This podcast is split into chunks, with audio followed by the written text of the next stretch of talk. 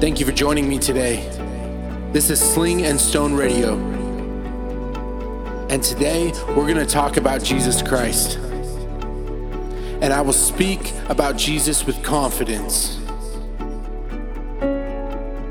You see, because Jesus is not just a myth, He isn't a made up bedtime story, He's not a legend. He is God. He is the light of men. He is the way, the truth, and the life. And He's alive. And He loves you more than you can imagine.